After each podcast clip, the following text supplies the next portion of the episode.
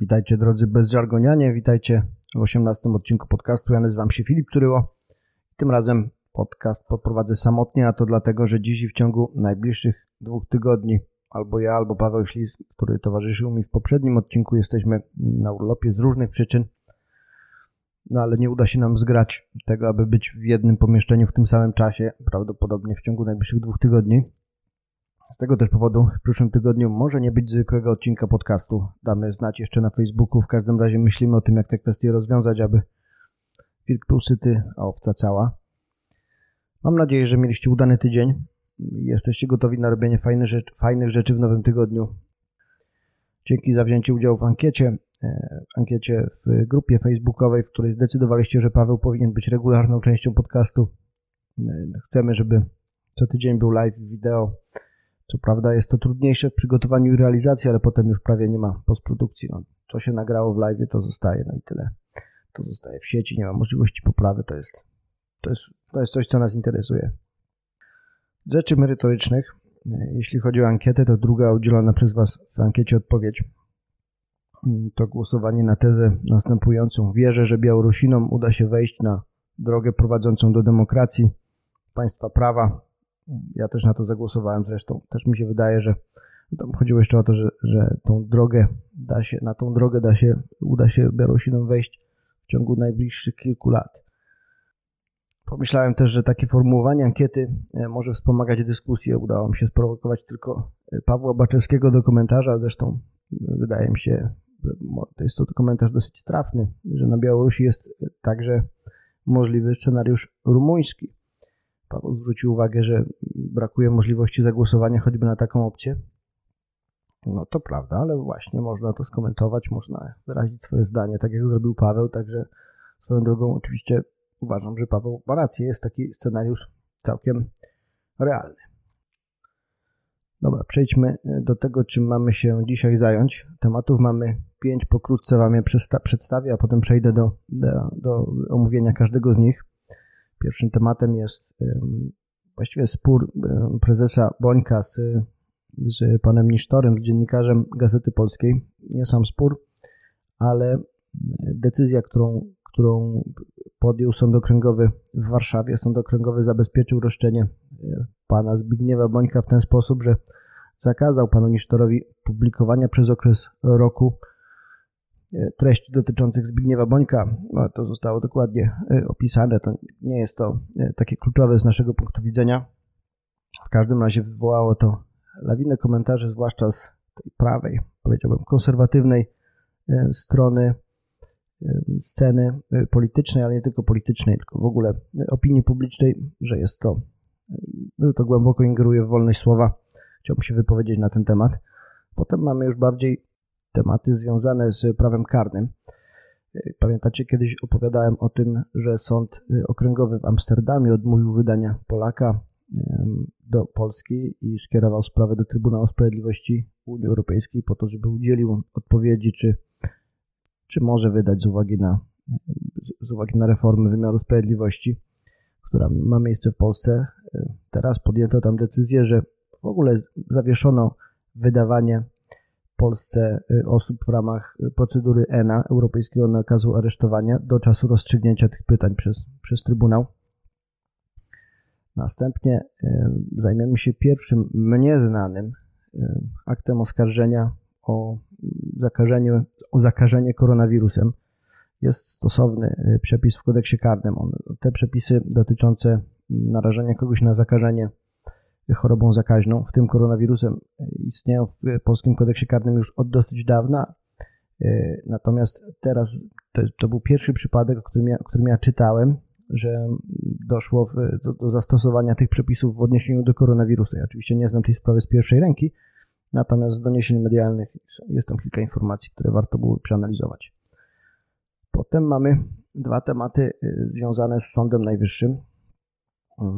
Pierwszy, który dotyczy relacji między sądem a lokalną władzą administracyjną, a konkretnie władzą samorządową. Sąd Najwyższy rozpatrywał wniosek sądu o to, żeby przekazać sprawę prezydenta miasta, sprawę karną, do innego sądu ze względu na dobro y, wymiaru sprawiedliwości. Sąd Najwyższy wyraził taki pogląd, że absolutnie nie może to mieć miejsca, tylko z uwagi na, na to, że istnieją jakieś powiązania między sądem rejonowym a władzą samorządową.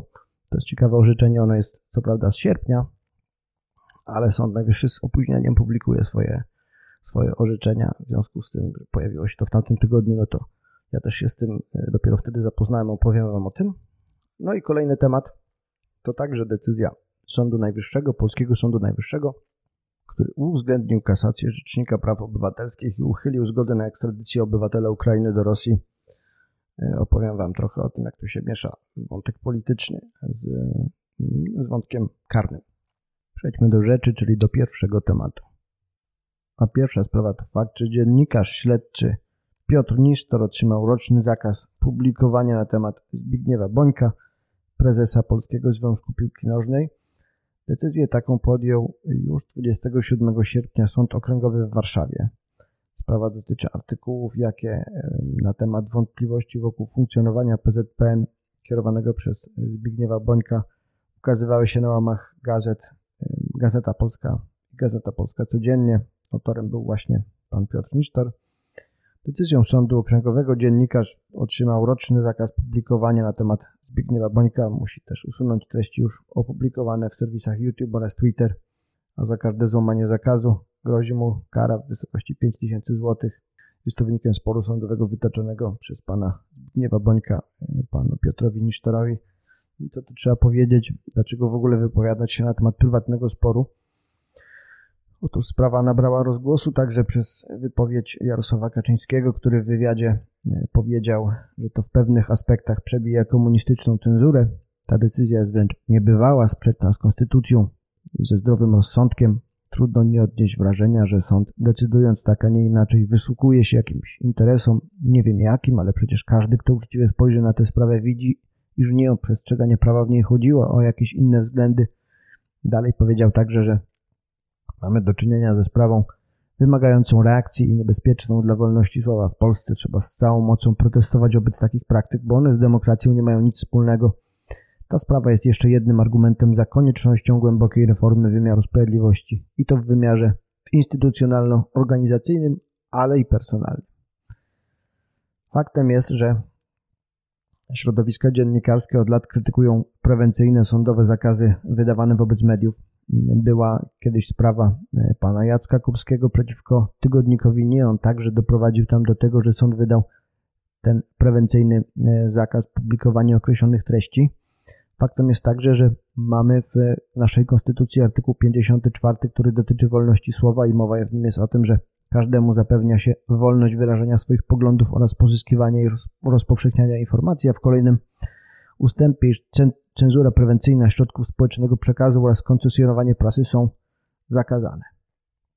Ja też bym w takim procesie uważał, że wartości konstytucyjne powinny być brane szczególnie pod uwagę, natomiast wyprowadzanie wniosku o tym, że takie orzeczenie uzasadnia reformę wymiaru sprawiedliwości, zwłaszcza w wymiarze personalnym, to jest o wiele zbyt daleko idące.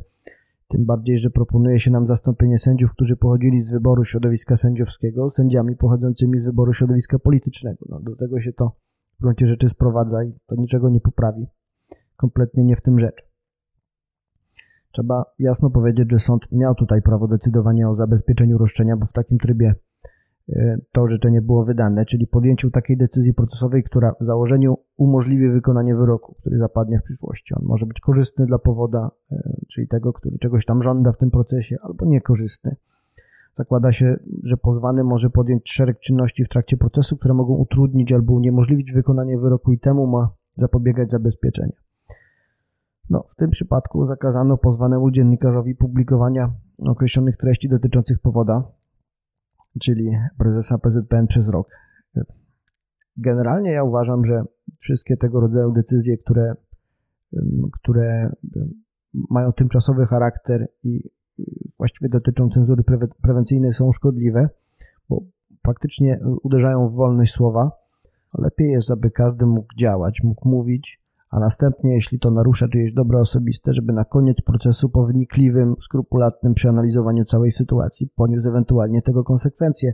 Takie wyprzedzające zakazy nie służą w mojej ocenie niczemu dobremu, mam takie uprzedzenie biorące się z, z mojej praktyki do wszelkich tymczasowych rozstrzygnięć. Uważam, że taka kontrolna funkcja w polskim orzecznictwie po prostu słabo działa i dotyczy to zarówno zabezpieczeń, dotyczy to takich jak tutaj, dotyczy to tymczasowych aresztowań, dotyczy to kontroli podsłuchów. To jest często iluzoryczne w mojej ocenie. Po procesie jest dużo lepiej, po, po rozważeniu tej sprawy, ale tam, tą kontrolną funkcję uznałbym w polskim y, orzecznictwie sądów cywilnych i karnych uznałbym za znaczącą słabość polskiego wymiaru sprawiedliwości. Niemniej jednak, pomimo szkodliwości takich decyzji i trochę ich fasadowości, braku rozwagi, mam wrażenie, generalnie, nie mówię o tej konkretnej sprawie, to trzeba powiedzieć, że takich decyzji dotyczących cenzury prewencyjnej zapada jednak relatywnie niewiele wśród milionów spraw. Nie ma tutaj żadnego związku między reformą personalną wymiaru sprawiedliwości a tą sprawą.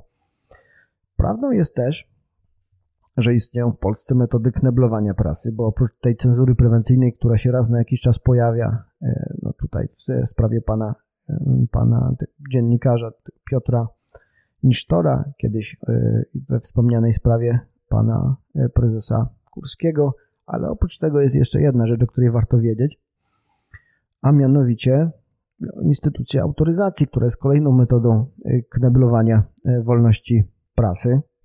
Jestem ciekawy, dlaczego w tym zakresie politycy nie protestują albo nie wprowadzają zmian ustawowych. Domyślam się, mm, że chodzi o ochronę interesów. Autoryzacja działa tak, że dziennikarz przeprowadza wywiad, po którym przesyła jego napisaną treść do udzielającego wywiad i ten ma prawo de facto modyfikacji jego treści. To jest anachronizm. On jest nieznany w wielu, e, w wielu zachodnich e, demokracjach to właściwie chroni polityków, ale też inne osoby udzielające wywiad, które chlapnęli coś w wywiadzie i teraz trzeba to posprzątać. Jakoś nie widzę lasu rąk posłów za zniesieniem wymagania autoryzacji wywiadu, który jest podobną instytucją jak cenzura. Na pewno e, trzeba zastanowić się, jak zmienić obie te rzeczy w imię wolności słowa, ale zapewniam Was, że nie osiągniemy tego wyrzuceniem tego czy innego sędziego z zawodu. Tyle mam do powiedzenia na temat tej sprawy, a teraz przejdźmy do drugiego tematu. Przeczytałem na Twitterze, że sąd w Amsterdamie e, wstrzymuje realizowanie wszystkich europejskich nakazów e, aresztowania do Polski, dopóki nie otrzyma e, odpowiedzi z Trybunału w sprawie tego, czy w Polsce wymiar sprawiedliwości cały czas ma charakter niezależny. Przypomnę, że jakiś czas temu sąd w Amsterdamie wstrzymał wydanie Polaka do czasu rozstrzygnięcia takiego pytania przez CUE i podniósł takim w tym, w tym, w tym pytaniu, że trzeba się zastanowić, czy, czy Polski Trybunał Konstytucyjny jest zdolny do efektywnej realizacji swojej misji, czy y, ma on charakter niezależny, no i wyrażono w tym zakresie wątpliwość. Wskazano także, że Izba Dyscyplinarna Sądu Najwyższego to nie jest sąd w rozumieniu prawa. Wskazano, że um, niezależność Sądu Najwyższego i sądów powszechnych nie jest już gwarantowana, a to ze względu na fakt, że procesy dyscyplinarne mogą być wszczynane za stosowanie prawa europejskiego. Podniesiono, że Krajowa Rada Sądownictwa nie jest niezależna i bezstronna, nadto została zawieszona przez Europejską Sieć Rad Sądownictwa. Wreszcie wskazano, że przyjęto w Polsce ustawę kagańcową o przejawach jej stosowania. Też już mówiłem wcześniej, kilka tygodni temu, przy okazji tematu zarzutów dyscyplinarnych dla sędziów, którzy mieli e, zdaniem rzecznika dyscyplinarnego zataić fakt członkostwa w Zrzeszeniu Forum Współpracy. Był to wówczas pierwszy znany mi przypadek, kiedy sąd jednego kraju Unii Europejskiej uznaje e, system wymiaru sprawiedliwości innego kraju Unii Europejskiej za obarczony takimi wadami, że nie spełnia już kryterium niezależności, takiego dosyć, nie tylko dosyć istotnego, ale właściwie podstawowego, absolutnie podstawowego kryterium. No i Teraz wydaje się, że mamy poważny problem, bo ten obrót międzynarodowy w sprawach karnych między Holandią a Polską jest dosyć istotnych rozmiarów ze względu na emigrację naszych obywateli do, do Holandii. Mieszka ich tam dosyć sporo. Nie pamiętam w tej chwili liczb dokładnych, ale na pewno Wielka Brytania i kraje, kraje y, takie jak Irlandia, takie jak Anglia, one są na pierwszym miejscu Natomiast Niemcy i Holandia to są kraje na miejscach y, kolejnych i jest tych ekstradycji y, w ramach europejskiego nakazu y, aresztowania realizowanych dosyć sporo. No teraz wygląda na to, że realizowane one nie będą. Oczywiście nie będzie to stanowiło przeszkody do pociągnięcia w przyszłości takich, takich osób do odpowiedzialności karnej, które popełniają przestępstwa powszechne w Polsce, a następnie wyjeżdżają, no ale na pewno odleczy się to co najmniej w czasie. To jest też, muszę Wam powiedzieć, pouczające, że o ile nie chodzi tutaj o jakieś rozgrywki personalne, a nie sądzę, żeby chodziło, to taka reguła formalna, jak zasada niezależności sądów, niezawisłości sędziów, która zdaniem sąd, co do której zdaniem sądu w Amsterdamie istnieją poważne wątpliwości, już sama w sobie ta formalna reguła powoduje, że no, domniemywamy, że w Polsce ludzie sądzeni za narkotyki, uwaga, no to nie, nie za, nie za y, przestępstwa przeciwko władzy, związane z jakąś działalnością opozycyjną, ale za przestępstwa powszechne, za taką przestępczość, która jest rutynowo w tej chwili ścigana na obszarze niemal całego świata. E, no, takich osób się nie wydaje w imię właśnie wspomnianej wcześniej reguły e, niezależności sądów. U nas raczej tego rodzaju orzeczeń no, nie ma takiej tradycji. Mam wrażenie, że to, to by było załatwione w Polsce takimi słowami, że a, to właściwie no tak, no może są jakieś wątpliwości, ale też z drugiej strony, no jaki one mają wpływ na rozstrzygnięcie tej konkretnej sprawy. Ja się złapałem nawet na takim, na, na, na myśleniu o tym w ten sposób. Powiem szczerze, że no przecież znam tych sędziów, zwłaszcza w Krakowie, którzy mogliby orzekać o takich sprawach. Właściwie no, nie widzę związku między tym, co dzieje się w wymiarze sprawiedliwości, a tym, jak rozstrzygnięta zostałaby sprawa takiego człowieka w Polsce.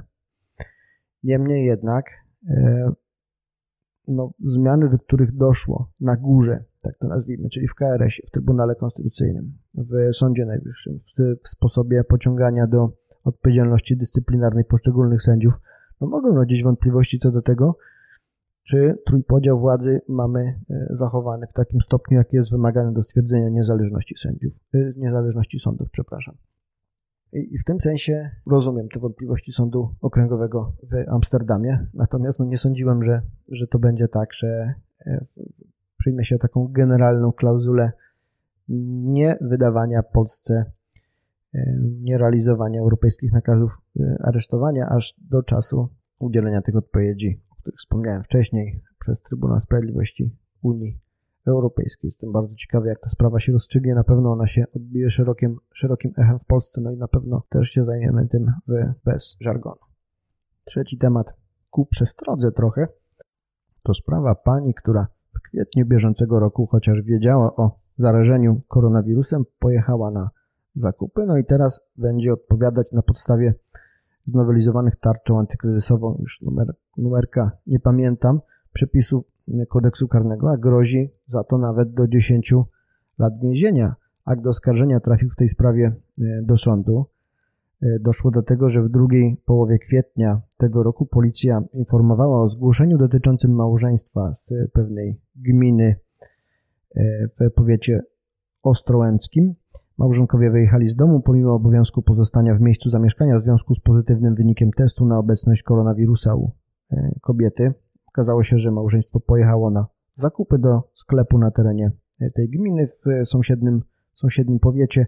W związku z tym, że istniało ryzyko zarażania przez e, tą panią podczas zakupów, policjanci ustalili wszystkie osoby, z którymi miała kontakt w sklepie. Informacje na ten temat przekazano do stacji sanitarno-epidemiologicznej. No i pani została oskarżona o to, że wiedząc, że jest osobą zarażoną wirusem SARS-CoV-2, udała się na zakupy do sklepu spożywczego tu i tu, w którym to sklepie przebywała obsługa i inni klienci, czym sprowadziła niebezpieczeństwo dla życia lub zdrowia wielu osób przez spowodowanie zagrożenia epidemiologicznego i szerzenie się choroby zakaźnej COVID-19. To jest rzeczywiście sprawa ku przestrodze, należy na to uważać, bo to jest teoretycznie rzeczywiście do pomyślenia, żeby odpowiadać E, w taki sposób. A trzeba powiedzieć, że tarcza antykryzysowa zaostrzyła dosyć znacząco przepisy dotyczące właśnie takiego narażenia. Chodzi o artykuł 161 kodeksu karnego, Zgodnie z nim osoba, która wiedząc, że jest zarażona wirusem HIV i naraża bezpośrednio inną osobę na takie zarażenie, no, może odpowiadać od 6 miesięcy do 8 lat więzienia w takim wymiarze. Wcześniej groziło za to do 3 lat. Z kolei jeśli osoba ta wie, że jest chorob, dotknięta chorobą weneryczną lub zakaźną, ciężką chorobą nieuleczalną lub realnie zagrażającą życiu i naraża na to bezpośrednio inną osobę, to za to grozi od 3 miesięcy do 5 lat, a w przypadku narażenia wielu osób nawet 10 lat, od roku do 10 lat. No jeśli sobie weźmiemy pod uwagę, że ktoś idzie do supermarketu, jest zarażony koronawirusem i naraża na to w kontakcie z wieloma innymi klientami tego sklepu, z personelem tego sklepu, wiele osób na zarażenie się taką chorobą zakaźną, no to może, może odpowiadać. Trzeba na to uważać.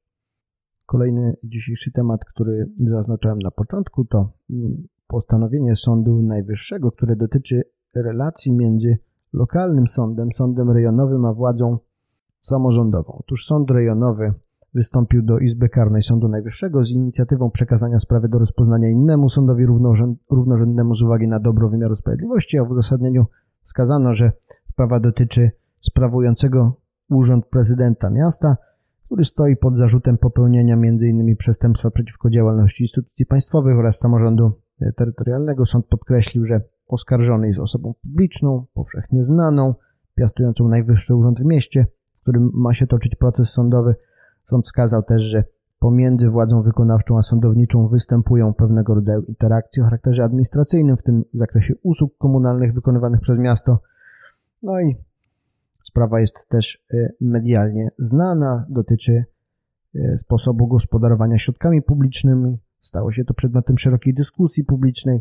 No i może to prowadzić do niezasadnych komentarzy i ocen podważających bezstronność sędziów e, orzekających w miejscowym sądzie. Sprawa na pewno niewygodna z punktu widzenia sądu, natomiast Sąd Najwyższy stwierdził, że nie stanowi zagrożenia dla wymiaru sprawiedliwości rozpoznania sprawy w sądzie pierwotnie właściwym, czyli tym, który, którym doszło do popełnienia przestępstwa, tylko dlatego, że oskarżonym w sprawie jest prezydent miasta. I bardzo w mojej ocenie słusznie Sąd Najwyższy przyjął, że Założenie tego typu nie tylko oparte jest na błędnym, pozakonstytucyjnym zamazaniu ostrych granic pomiędzy władzą sądowniczą i wykonawczą, ale konsekwentnie musiałoby prowadzić do sytuacji, w której sądy miejscowo właściwe nie mogłyby w ogóle rozpoznawać spraw przedstawicieli władzy lokalnej, tylko z tego powodu, że zawsze między tymi dwiema gałęziami władzy występują pewnego rodzaju interakcje o charakterze administracyjnym. Jakbyście popatrzyli na to, także w kontekście takiej wartości jak równość wobec prawa, to mnie się wydaje, że takie orzeczenie jest bardzo trafne, no bo właściwie dlaczego i od jakiego poziomu należałoby przyjąć, że osoba, która piastuje jakiś urząd, jak to będzie wysoki urząd y, samorządowy, ale to nie musi być przecież samorząd, może to być też władza wykonawcza, może być wojewoda powiedzmy, nie może być sądzony w, w tym sądzie, tak jak reszta obywateli danego y, regionu, którzy popełnili, z których się oskarża czy podejrzewa o o popełnienie jakiegoś przestępstwa czy wykroczenia na, na danym terenie. Byłoby to jednak spore nadużycie, gdyby przyjąć taką generalną regułę. Jeśli nie ma jakichś nadzwyczajnych po powiązań między tym konkretnym człowiekiem a tym konkretnym sędzią, no to trudno mówić o jakiejś takiej generalnej regule wyłączającej, którą chciał tutaj zastosować sąd y, rejonowy. Ma już założenie, że jakieś naciski ze strony opinii publicznej czy sugestie medialne miałyby ograniczać swobodę orzekania sądu. No, sędziowie są od tego, żeby sprawiedliwie orzekać po zważeniu racji obu stron, czy większej liczby stron, co też jest przecież możliwe, a nie kierować się tym, co sobie pomyśli jakiś redaktor z lokalnej gazety. On sobie może pisać, co chce, sędzia powinien wykonywać swoją pracę i nie przejmować się tego rodzaju osądami. No i ostatnia dzisiejsza sprawa to także orzeczenie Sądu Najwyższego, który uwzględnił kasację Rzecznika Praw Obywatelskich i uchylił zgodę na ekstradycję oby obywatela Ukrainy do Rosji. Jest tu trochę aspektu politycznego, bowiem no, kierowca jest Ukraińcem, który miałby być wydany do Rosji, a ponadto brał on udział jako wolontariusz, y, kierowca adwokata pomagającego poszkodowanym w czasie działań wojennych we wschodniej Ukrainie. No, brał pośrednio udział w tych, w tych działaniach.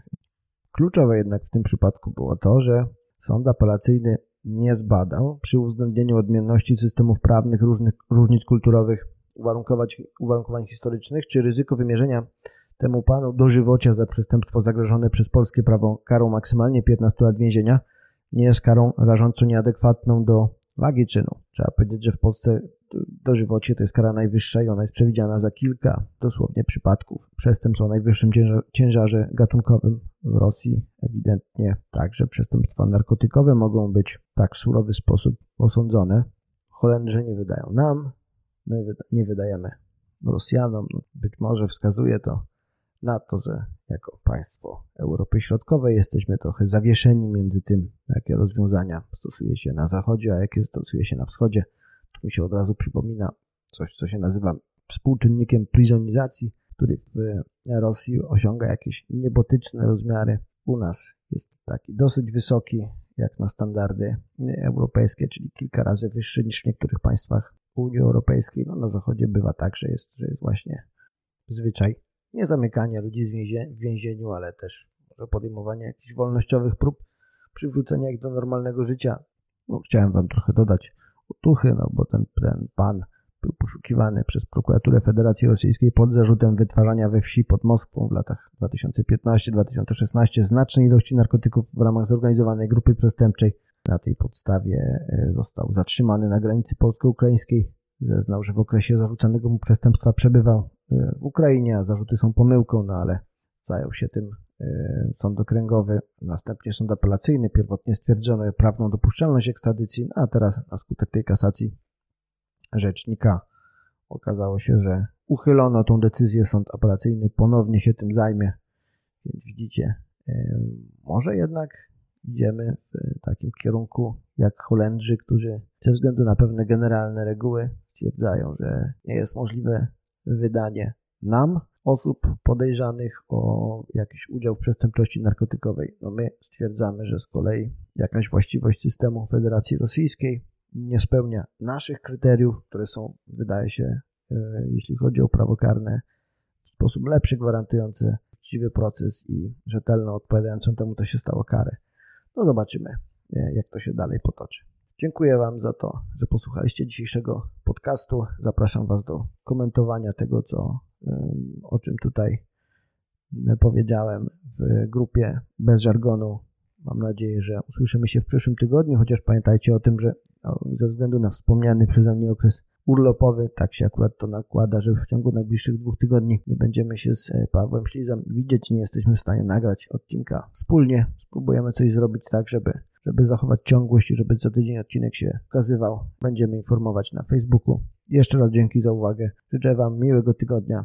Do usłyszenia. Cześć.